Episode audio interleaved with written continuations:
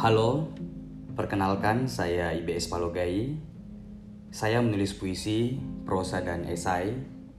Topik yang akrab dengan saya belakangan ini tentang sastra, kebudayaan, dan sejarah. Sehari-hari, saya bergiat sebagai pustakawan di kata kerja. Saya juga mengampu mata kuliah puisi dan studi memori di Institut Sastra Makassar. Melalui podcast ini, saya ingin berbagi hal-hal yang ingin saya pelajari dalam keseharian mencakup juga rutinitas dan obrolan tidak terbatas tentang perasaan dan konflik batin manusia. Sekian perkenalan singkat kita. Terima kasih telah mendengarkan podcast ini, dan sampai jumpa di episode perdana.